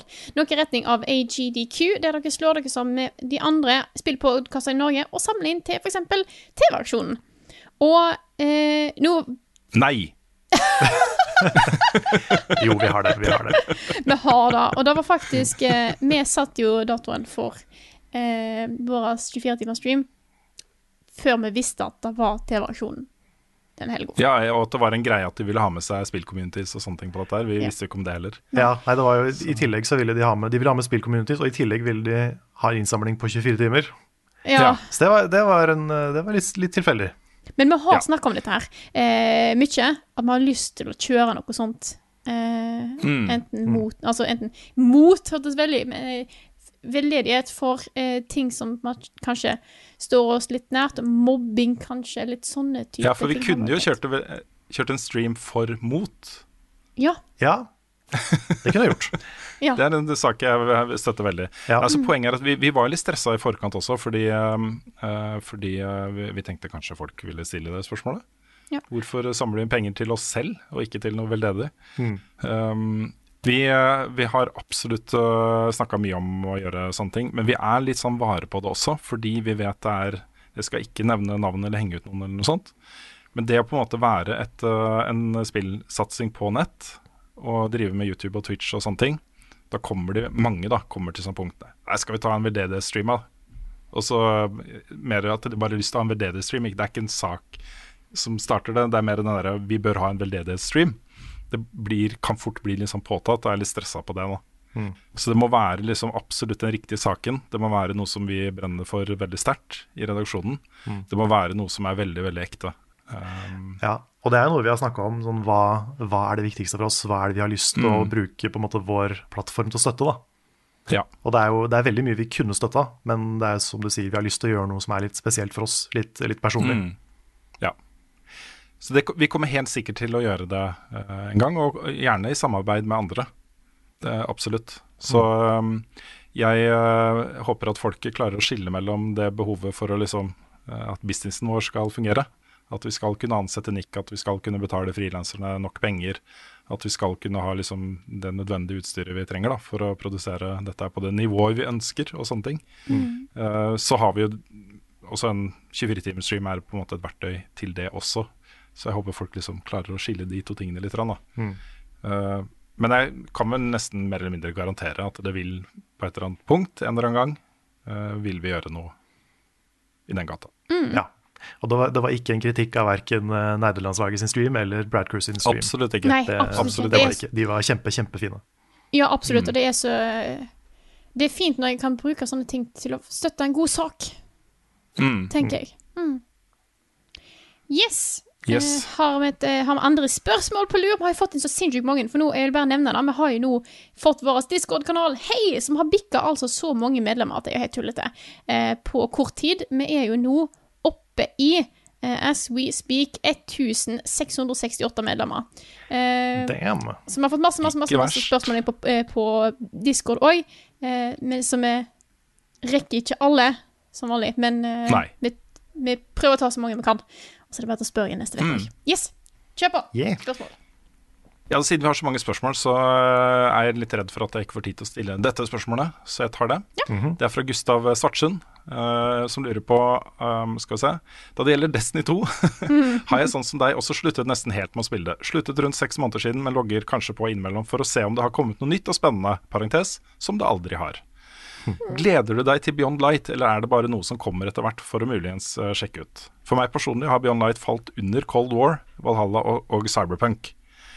Um, jeg gleder meg veldig til Beyond Light. Eh, For meg personlig så kommer jeg til å spille de andre tingene Altså jeg kommer til å spille litt Beyond Light innimellom, men jeg kommer ikke til å dykke ned i det før jeg er ferdig med Cyberpunk. Eh, Så for meg også så ligger jo de arbeidsmessig i hvert fall over, da. Men Beyond Light blir en restart for hele Destiny, så hvis du har gått litt lei, så bare tenk at uh, her har de en mulighet til å fornye interessen til folk for dette spillet her. Det kommer til å være masse nytt i uh, mechanics og story og uh, locations og raids og alt mulig rart. Så hvis du er lei, så bare tenk at OK, de har en mulighet til å få deg interessert igjen her, og det har jo skjedd med meg mange ganger før. Med Forsaken, med Taken King først og fremst, da, dette er jo en sånn type expansion. Så ikke se på de siste fem månedene, eh, se på de neste fem. Damn. Da, Skal jeg ta et da- spørsmål? Ja, kjør på. Ok, det er fordi dette fant jeg på, på Discord, og det er fra Jesse J, som sier Så mange av dere level up er jeg ekstremt klar for å høre mer om Elden Ring, men hvilke andre spill, hvis de plutselig skulle få lanseringsdato, ville gjort dere mest hyped? Jeg tenker to penner rett i bakken, skjorte av og dans på bordet-hype. Yes, da er den beste typen hype. Det er det. Ja, Og jeg har et svar. Ja. Final Fantasy 7 part 2. Ja. Det er mitt svar. ja men det vet du er kommer. Det kommer Ja, men utgivelsesdato. ja utgivelsesdato. Ja, ja, mm. Ja, nettopp. Rayman 4. Um, mm, oh. Bloodborne 2. Pikmin 4. Bloodborne 2. Bloodborne 2. Bajonetta Ah. 3. 3? Ja, Elden, Ja, Ring. Elden Ring er på toppen, da. Så Ja. det er dårlig gjort at det ble ekskludert fra spørsmålet. Men også liksom Breath of the Wild 2, når det får en dato. Mhm. Jeg er klar. Nå gikk jo eh, Jeff Keeley ut og, eh, med et eh, bilde av en, en sånn team, Teams-chat med Gabe Newell. Ja, jeg så det! Mm. Uh, han sitter jo nå og forbereder seg til Game Awards i desember. Og det er liksom Hva skal Gabe Newell gjøre på Game Awards? Er det Microsoft-oppkjøp? Er det Half-Life 3? Ikke sant? Så er det å kommentere folk Nei, det er sikkert bare noen nye hatter til Team Fortress 2. Så det kan jo godt tenkes. Men eh, altså, oppkjøp er jo ikke så dumt. Men jeg vet ikke hva, altså, hva Kan Microsoft kjøpe Valve? De kan jo sikkert det. De kan jo kjøpe alt. Ja, hvis, hvis Microsoft kjøper Valve, så kommer Half-Life 3 Ja, og Portal 3. Ikke sant? det kan du Så si. Så de- kan godt få lov til å kjøpe opp Valve hvis det betyr at vi kan få et bra team til å lage Half-Life 3. Men ikke Portal 3. Da trenger de ikke gjøre det. Portal 2 er perfekt, det er ferdig, dønn. Det er min mening på dette. Ja. Jeg har litt lyst på Portal 3, men Jeg også. Men jeg er enig i at historien er fin som den er. Kanskje en prequel. Ja. Portal 0. Ja, for da kunne det vært kult. Ja, kanskje det blir sånn derre eh, sånn derre, eh, byggespill, hvor du, du skal bygge Aperture Science? puzzlene. Ja, Ja, det hadde vært fett. kult. Yes. Ja. Har dere noe mer? Hvis ikke så har jeg et uh, her. Jeg har masse mer, jeg. Ja. Jeg tar et uh, kjapt fordi at jeg har bare lyst til å ta det opp. Fordi jeg har fått to spørsmål på discorden om discorden.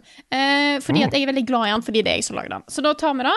Eh, vi har fått Turboreka spør, bortsett fra memes Det var så mye bra memes. Eh, skal så mye bra memes. Å, fy fader. Hva skal dere gjøre med deres egen Discord-server fremover? Og Saltimon spør også, siden dere åpner Discord, hvordan mener dere at en skal holde dere til både Facebook, eh, Facebook og Discord samtidig? Og jeg vil bare først si at jeg kommer fortsatt til å Level og community på Facebook eh, vil jeg at fortsatt skal leve. Fullstendig. Ja, ja, ja. For det er en så utrolig fin plass. Jeg er innom der ofte og sjekker. Så jeg kommer Mange ganger fortsatt, om dagen. Yes, Oh, yes. Så jeg kommer fortsatt til å være veldig aktiv der. Men jeg prøver òg å være aktiv på discorden, fordi at vi har jo tenkt å bruke den mer sånn, som en integrert del av det vi gjør. Sånn at vi spiller inn podkasten i et eget chatterom der, eh, og, og at jeg prøver å ta litt del i litt samtaler som dukker opp her og der. Da er på en måte sånn jeg har tenkt å bruke den discorden her, i hvert fall. Det er for meg et veldig sånn kjært hjertebarn. Så eh, ja. Da tar jeg et spørsmål fra Svein Erik Hegmo, som spør Hei, hvilket utstyr bruker dere for å lage videoer? Da tenker jeg programmene dere bruker for å redigere videoer, ta opp gameplay, ta opp lyd. Hva anbefaler dere for å ta opp gameplay? Hva burde man tenke på når man- skal investere i, utstyr for å lage video? Åh, det kunne vi laga en halvtime lang video om. Ja. Ja, ja, jeg vet det. Men det bør vi gjøre, Carl. ja. Det bør vi gjøre, det er en god guide. Ja, det, er sant. Og Så lurer jeg også på om det er noe man må tenke på til neste konsollgenerasjon når man skal ta opp gameplay. For å ta det siste først, da. Så er det jo sånn nå at eh, 4K begynner å bli mer og mer vanlig på YouTube, ser jeg. Eh, og det kommer ikke til å slutte. Jeg tror på et eller annet punkt så kommer vi også til å lage 4K-videoer på YouTube. Ganske sikker på det. Jeg, jeg hørte det er noe helt å jobbe med. Ja, ja, Ja, ja. det er det. Det blir så svære filer, og det er Ja, du trenger så kraftige maskiner og alt mulig rart. Så, men øh, øh, vi er jo uh, opptil flere av oss Adobe Premiere-brukere. Blitt vant til å bruke det og liker det veldig godt. Veldig kraftig og fint og lett anvendelig øh, videoredigeringsverktøy, som er også svindyrt. Ja, for da kan Så- jeg òg eh, ta en liten uh, digresjon på. For at jeg har fått min nye datamaskin, måtte installere videosoftware, og jeg har jo tilgang til Premiere via NTNU. Ja, det er bra. Ja, men jeg Det valgte å ikke for det bruke det. Fordi at jeg kan det ikke. Eh, jeg har jo satt meg inn i Sony Vegas, var jo det jeg starta med. For jeg syns det virka litt enklere enn Premiere. For Premiere er veldig Det kan veldig mye. eh, men det ble liksom en litt vegg for meg å komme inn i. Så jeg endte faktisk opp med ikke velge det. Og når jeg så på en måte hm, Skal jeg begynne med Premiere? Og Så tenkte jeg Nei, men nå kan jeg jo alltid Sony Vegas, da. Så da ble det da. Så jeg bruker det. Eh, Jeg har òg hørt mye bra om Hva er det han heter? Det fins et gratis Da. Vinci Resolve. Da Vinci Resolve. Da Vinci Resolve. Jeg har hørt masse Gratis. masse bra om det, og det er gratis. Så det er absolutt et godt alternativ. Riktig.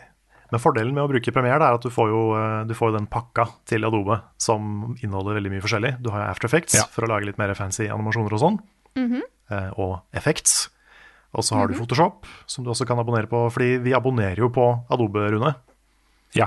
Og det er jo fordi vi, de er så svindyre å kjøpe, de lisensene. Så det å abonnere på de er litt mer eh, overkommelig. ja. Det fins òg en del gode studentpriser. Bare sånn at folk er klar gjør over det. det. Ja, det gjør det, er sant. Studentpriser og eh, sånn flerbrukerrabatter og sånne ting. Mm. Så um, ja, eh, hvis jeg skulle valgt på nytt i dag og lært meg et helt nytt redigeringsprogram, så hadde jeg nok valgt, valgt Da Vinci Resolve. Fordi det er gratis, og fordi det gjør jobben mer enn bra nok, da, etter sånn som jeg har forstått det, i hvert fall. Jeg kan Ja. ikke det programmet selv. Jeg tror jeg hadde savna en del features. Jeg syns Premiere er eh, den, det har liksom alt jeg trenger. Ja. Og er Premiere jeg, jeg tenker Hæ? Premiere har vel en god del, eh, sånn som jeg har hørt fra dere, en god del eh, gode features for å redigere lyd. For å behandle lyd. Mm. Mm. Ja. Så ja. Mm, men det er på en måte redigeringsbiten. Og så har du jo opp for opptak. Hvis du spiller på PC så, og har et eh, Nvidia-kort, så vil jeg veldig veldig, veldig sterkt anbefale Shadowplay, som følger med uh, de nyere seriene. Fra 20-serien, tror jeg. Eh, det er mulig at eh, det er noen av de 10-kortene også som eh, støtter Shadowplay. Jeg tror noen av de også har Shadowplay, ja. Ja. Men det er rett og slett en bare eh, innmari god til å komprimere video. Kvaliteten blir god, og det eh, tar ikke noe særlig ressurser fra maskinen mens du spiller. Så den bare løper i bakgrunnen, og du kan ta opp liksom, eh, de siste ti minuttene, siste halvtimen, siste to minuttene. Eller du kan bare kjøre kontinuerlig opptak. Du kan også legge på webkamera, eh, mikrofon, eh, andre lydkilder osv. Mm. Uh, du kan streame direkte til, til Twitch fra Shadowplay. Det har blitt et veldig godt verktøy. også.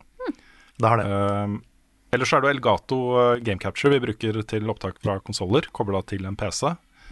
Uh, og da helst PCI-kortet, det som man setter inn i PC-en. Ja, Jeg akkurat nå så bruker jeg 60 S, tror jeg den Ja. For Ja. den syns jeg funker like bra, for den har fortsatt instant-greiene. Mm. Eh, så den er et veldig godt alternativ, spesielt for meg som bytta lenge mellom eh, stasjonær og laptop. Der hadde jeg ikke mulighet til å sette inn et PCI-slott. Så den eh, Mm. Elgato HD60S den, den som ikke du setter inn i PCI-slotten, den funker fjell, altså. Mm. Ja. Uh, ellers er det OBS, da, som jeg bruker til å Ja. ta opp Mm. Uh, konsoll på PC-en. Men det er òg den jeg bruker egentlig til å ta opp alt. Det er Ja, Ja, OBS er veldig, så- veldig allsidig. Ja, OBS Studio. Og så som en sånn siste anbefaling til uh, mer sånn generelt eh, video, uh, investere i en god mikrofon. Mhm. Kjempeviktig. Mm. Og gjerne også lamper. Nå har jo vi produsert i mange år uten lamper, og vi merker så stor forskjell på bare at vi kan sette på noen lamper. Det løfter kvaliteten så voldsomt opp på eh, tingene vi lager. Mm. Så det er også Sanne ting har jo falt så sjukt mye i pris. Du får kjøpt så mye bra streaming og videoutstyr til en Ja, rimelig ja. penge nå. Ja, kan anbefale Elgato Keylights der. Også Mm. green screen til Elgato er faktisk veldig bra. Den brukte vi til Ja. å filme Noscope sesong to. Stemmer det. Så um, hvis, du er liksom, hvis du har lyst til å bli en liksom proff streamer og få litt, uh, litt fancy utstyr som er spesiallaga for det, så er egentlig den serien til Elgato veldig bra. Altså. Uten tvil bra webkameraer og sånne ting også. Mm. Og så vil jo da, for Next Gen, så vil jo både Xboxen og PlayStation vil jo ha opptaksmuligheter internt. eh, hvor du kan, det er jo fokusert da på kortere klipp. Hvis du vil ha høy kvalitet, så snakker vi korte klipp Mm. i maks kvalitet, på en måte. Men uh, du kan også ta opp bare lange streams med opptak direkte i konsollen. Da har jeg gjort Men, på min eh, PlayStation mye. Ja, jeg er ikke helt sikker på hvor mye det blir av det på, på de to nye, altså. Fordi eh, skal du ta opp eh, 4K i 60 FPS, så blir det fort sjukt store filer hvis du sitter og tar opp i timevis, liksom. Ja. Og så blir ofte de videoene mye dårligere komprimert enn det de gjør med f.eks. Elgato. Mm. Ja, Det er ikke sikkert de gjør det på nye, da. Jeg vet Nei, ikke. det vet vi ikke ennå. Men, men, men jeg vil, altså, et annet problem er jo det at det er mange scener i spill som er blokkerte. Når du får opp den der 'This uh, you enter the blocked scene'-meldingen, Mm. da stopper jo opptaket ditt. Ja, det er det. Så, men hvis du har en Elgato, så skjer ikke det. Da Da bare kan du kjøre videre. Yeah. Da lurer jeg på, Rune, for nå, nå må du gå, må du ikke det? Ja, vi får enten eh, avslutte podkasten, eller så fortsetter dere i eh, noen minutter til. Hva tenker du, Karl? Nei, jeg er med på et par spørsmål til, altså. Ja. Hvis, eh, hvis du er down. Jeg Da er takker jeg elegant for meg selv, og så eh, ses vi igjen neste uke. Det, det Det gjør vi. Og der tror jeg Rune forsvant. Ja, Det var veldig smooth. Jeg tenkte kanskje vi skulle ha en en break og så klippe litt, men dette her går jo Her kjører vi jo bare rett på. Vi er så proffe. Åh, det er så proft at du skulle være visst. Har du et spørsmål på lager, eh, Karl? Det har jeg, vet du, for nå kan jeg ta litt sånn spørsmål til meg. Nice. Eh, fra Jørgen Linseth. Han spør Carl, hva er din favoritt-frossenpizza? Hverdagsanbefalt Nei, den har jeg tatt før, men jeg hadde lyst til å bare si det. Fordi Big Ja. One Loaded Pepperoni er favoritten min akkurat nå. Den er faktisk dritgod. Den har veldig sånn fin, sånn myk deig. Så den liker jeg. Den er faktisk overraskende god for å være frossenpizza. nice. Ja, det er mye god big one, syns jeg. Det er det. Norge er jo eh, landet for frossenpizza. Det er nesten Yep. nasjonalretten vår. Det er ganske imponerende. Mm. Bra jobba. Jeg husker eh, min venninne Sophie ble overraska over hvor mye frossenpizza vi faktisk har i Norge. En egen del av tenkt- eh, butikken. Jeg har ikke tenkt over det, men eh, det er jo bare normalen, sant? Det er det. Det er bare sånn vi er. Hipp. Og så har jeg fått et spørsmål som er perfekt for meg og deg å svare på, Carl. Okay. Men jeg har lyst til å ta det opp. Det er fra Tom Kristoffersen. Han skriver Amnesia Rebirth er ute. Tør dere livestreame, da? Nei. Nei. Nei. Eh, hadde, men det jeg har lyst til å si fordi at jeg, kan ikke, jeg har ikke spilt det sjøl, men jeg har begynt å se en Let's Play av det. For jeg har en fast gjeng jeg ser på eh, som spiller skumle spill som jeg ikke klarer å spille sjøl. Og da er Scary Game Squad. Og det er, med det så har du blant annet The Completionist og Ja, jeg har hørt om Jeg har ikke folk- sett det, men jeg har hørt om de. Mm, og de anbefales på det sterkeste. Og de har begynt på Amnesia Rebirth.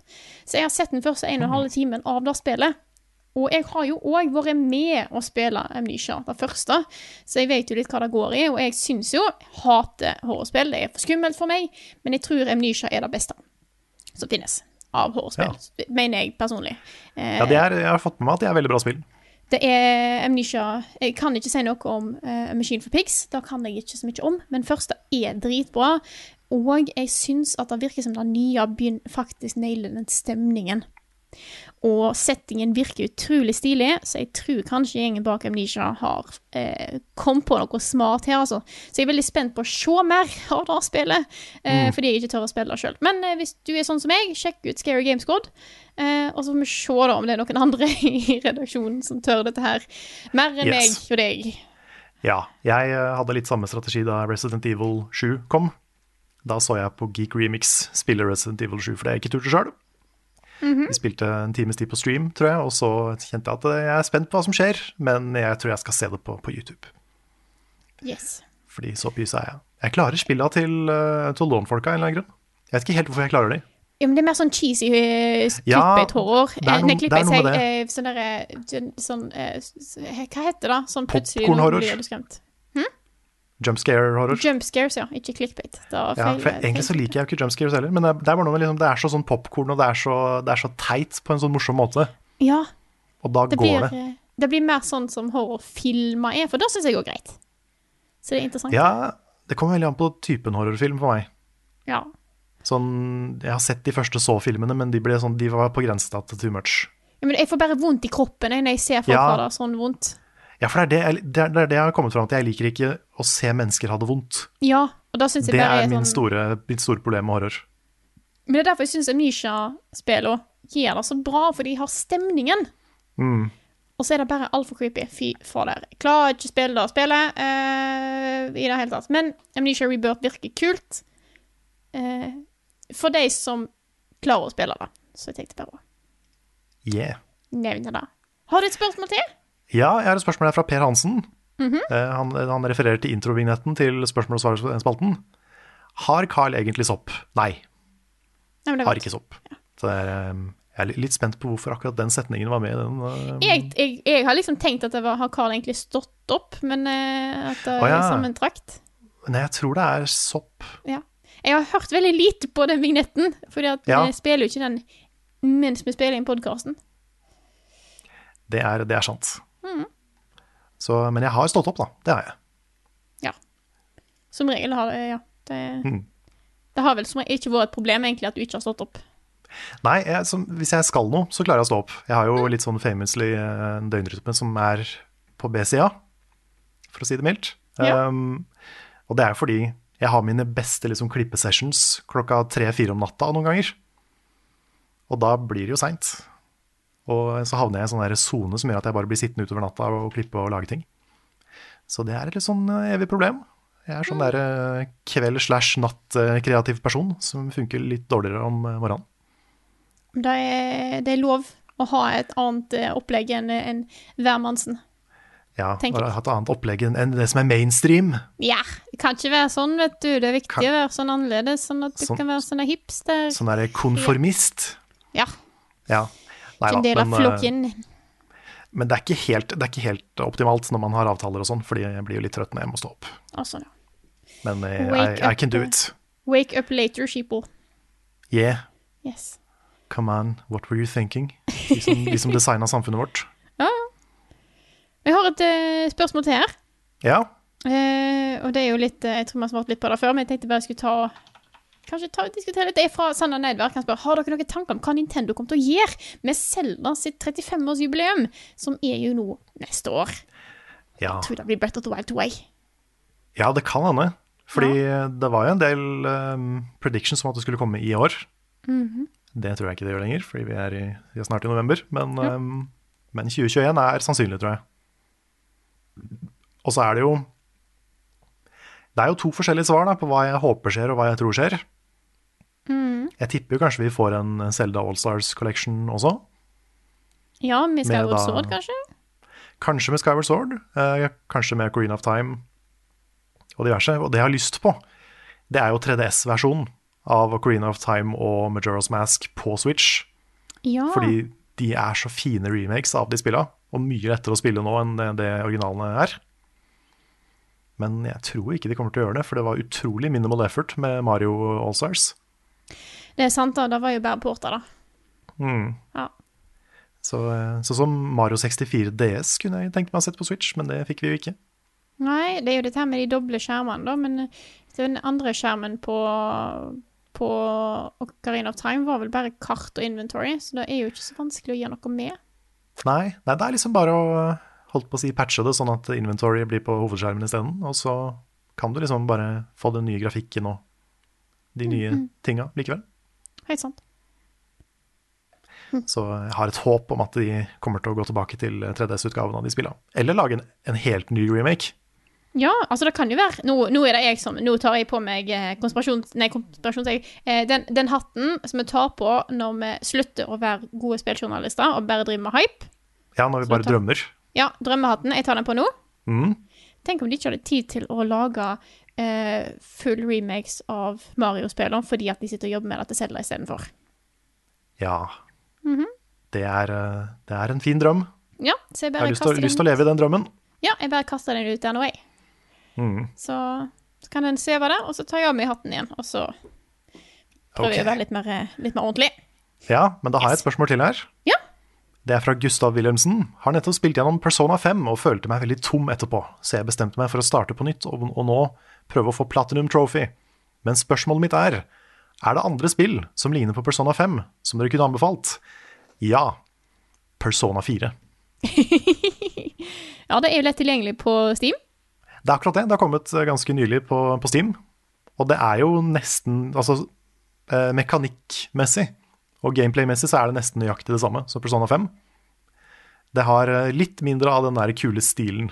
Det er jo det Persona 5 på en måte har. Det er den der eh, utrolig tøffe looken og attituden. Og den har du ikke i Persona 4. Det er en helt annen vibe. Og eh, Men- kontrollsystemet føles litt gammelt. Jeg har jo nylig Ja. begynt på dette her, så jeg kan si at du, jeg merker at dette er et litt eldre spill.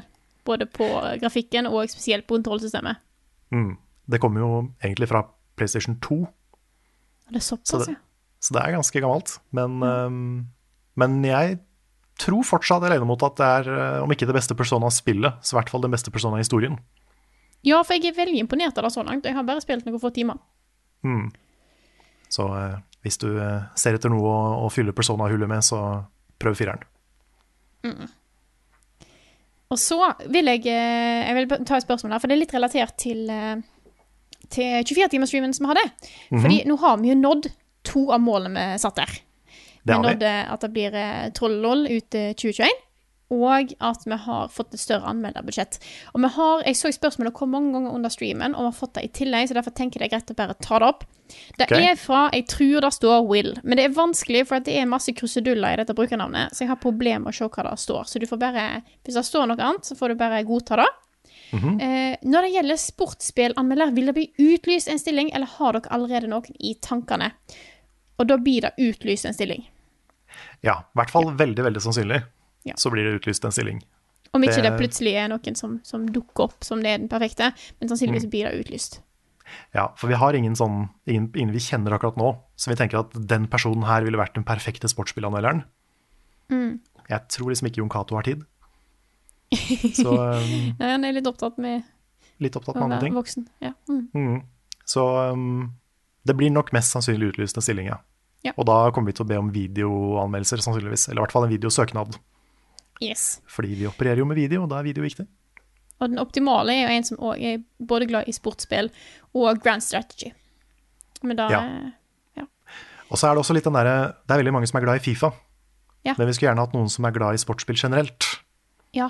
Og de er litt færre av. Ja. Så, så den er litt sånn tricky. Så det er Det blir, det blir en jobb. Det blir en liten uh, søkejobb. Men hvis det er noen som, som kjenner seg kalla, og, og tenker liksom hm, Kanskje dette kunne vært uh, kult, så bare følg med, uh, og, og, og søk på stillingen når det kommer ut. Fordi at jeg kan si, som jeg eh, tenkte, for jeg har jo gjort dette her, søk på en sånn stilling. stilling. Eh, og første gang dere hadde utlysning, så tenkte jeg hm, kult. Det er sikkert gøy for de som kan dette her. Eh, Ja. Men det var liksom ikke, jeg tenkte ikke på at jeg kunne gjøre det før andre gangen. Der eh, Mm. tenkte jeg bare sånn Jo, kanskje, kanskje jeg kan gjøre dette her. Jeg har Ja. jo egentlig ikke så mye erfaring, men kanskje kan jeg prøve. Så prøv, er mitt mm. Ja, fordi det Tips. tekniske kan læres. Ja, ja, Egentlig, alt, alt kan jo egentlig læres. Um, men det viktigste er på en måte det å ha formidlingsevnen og det å kunne skrive en god tekst og hele pakka der, da. Og at du har noe eget. Ja, at du har en stemme. Du har en, du har en um, Altså, du må ikke ha en ferdig utvikla stemme Nei, heller, sånn sett, men, men, men bare ha noe, på en måte. Ha, en, ha, en, ha et engasjement og en, uh, en mulighet til å formidle ting. For jeg tenker jo fortsatt at jeg er jo nå bare en eller annen person. Hvem er jeg som kan komme her og mene noe om spill, liksom?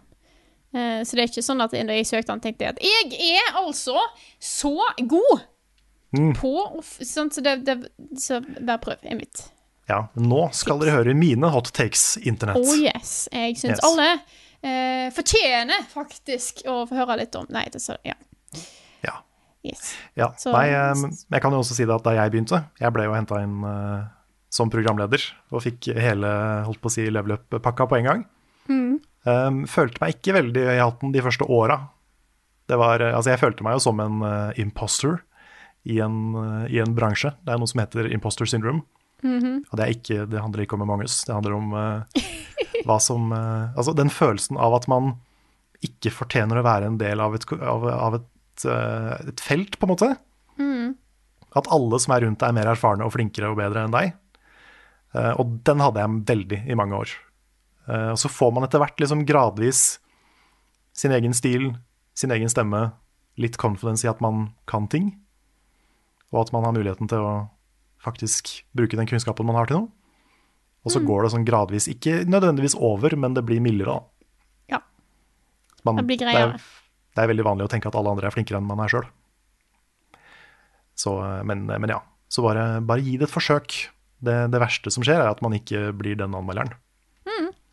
Vi kommer ikke til å poste video av deg og le av deg Nei. hvis ikke, det hvis, ikke, hvis ikke det er bra nok. Så um, bare gi Just. et forsøk hvis du, um, hvis du tror du kan få det til.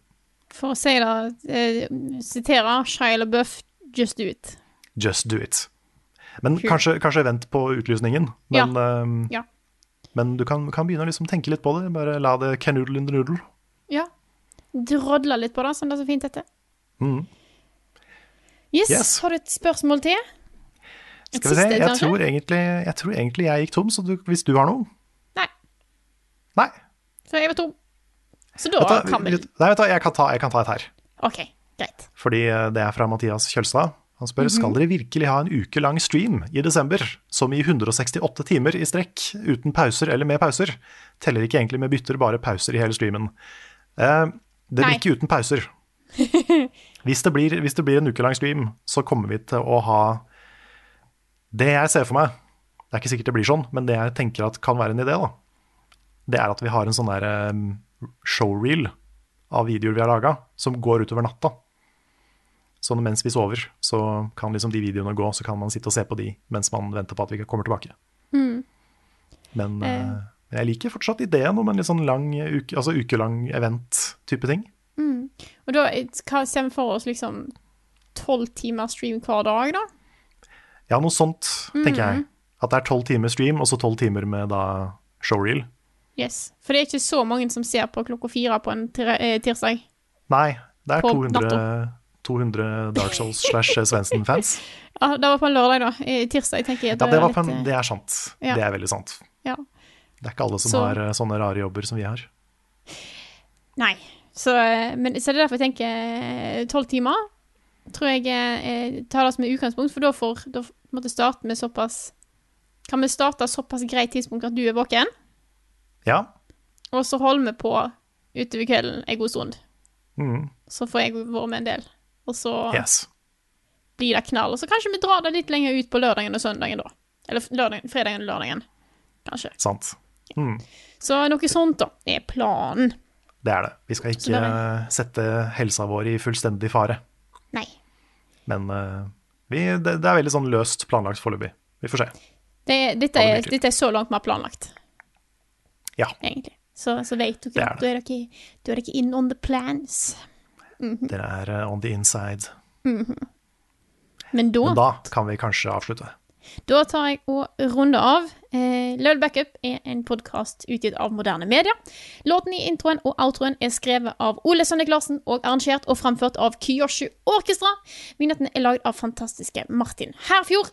Du finner mye mer innhold fra oss på youtube.com slash levelupnord og på twitch.tv slash levelupnord. Ja, twitch.tv. Eh, og hvis du har lyst til å bli med i vår Discord-community, så er det bare å gå inn på eh, er, altså, Nå har vi nådd nivå tre på Discord, så nå har vi fått en sånn fin, fancy URL, så da sier han Nice. eh, Jeg vet ikke om hvis vi går ned i nivå, om vi kanskje mister den, så ta det med klype salt. Men i hvert fall nå så funker det Ja. discord.gg slash levelupnorge. Nice. Our final Eh, form. Oh, yes. Eh, og hvis dere har lyst til å støtte oss, og kanskje hjelpe oss på veien mot å ansette Nick, så er det bare til å gå inn på patreon.com slash levelupnorge og støtte oss med det beløpet du sjøl har lyst til, og har muligheten der. Eh, vi setter ekstremt stor pris på eh, alle dere som støtter oss, og, alle dere nye som har blitt med eh, den siste uka. Tusen, tusen takk. Tusen takk. Det har kommet så mange nye folk, så mange nye navn. Og Mm. det å bare sitte og streame og se det, det antallet vokse, det var kjempegøy. Det er, jo det, vi, det er jo det vi vil, først og fremst, å få enda flere inn på Patreon. Ikke at eh, de få skal gi mye, liksom. Ja. Så det at det var såpass mange nye backere, var kjempekult. Å, helt stas. Så eh, tusen takk til alle dere. Eh, og så tenkte jeg Jeg vet ikke om jeg skal jeg, nå, nå bare jeg sier nå bare nevne Dette er episode 297. Vi nærmer oss snart episode 300. Damn. Så da er det faktisk litt gøy. Det er, det er ikke verst, det, altså. Det er ikke så dumt, skal jeg si deg. Det er mange timer med prating om spill Da er det og andre ting. eh, Og andre ting. Som, som regel mest spill. Ja. Litt, litt bønner. Mm. Eh, og litt andre ting. Men yes. Eh, da tror jeg spillene mine er ferdige, så da sier jeg bare tusen takk til alle som har hørt på. Og så snakkes vi igjen neste uke. Ha det bra.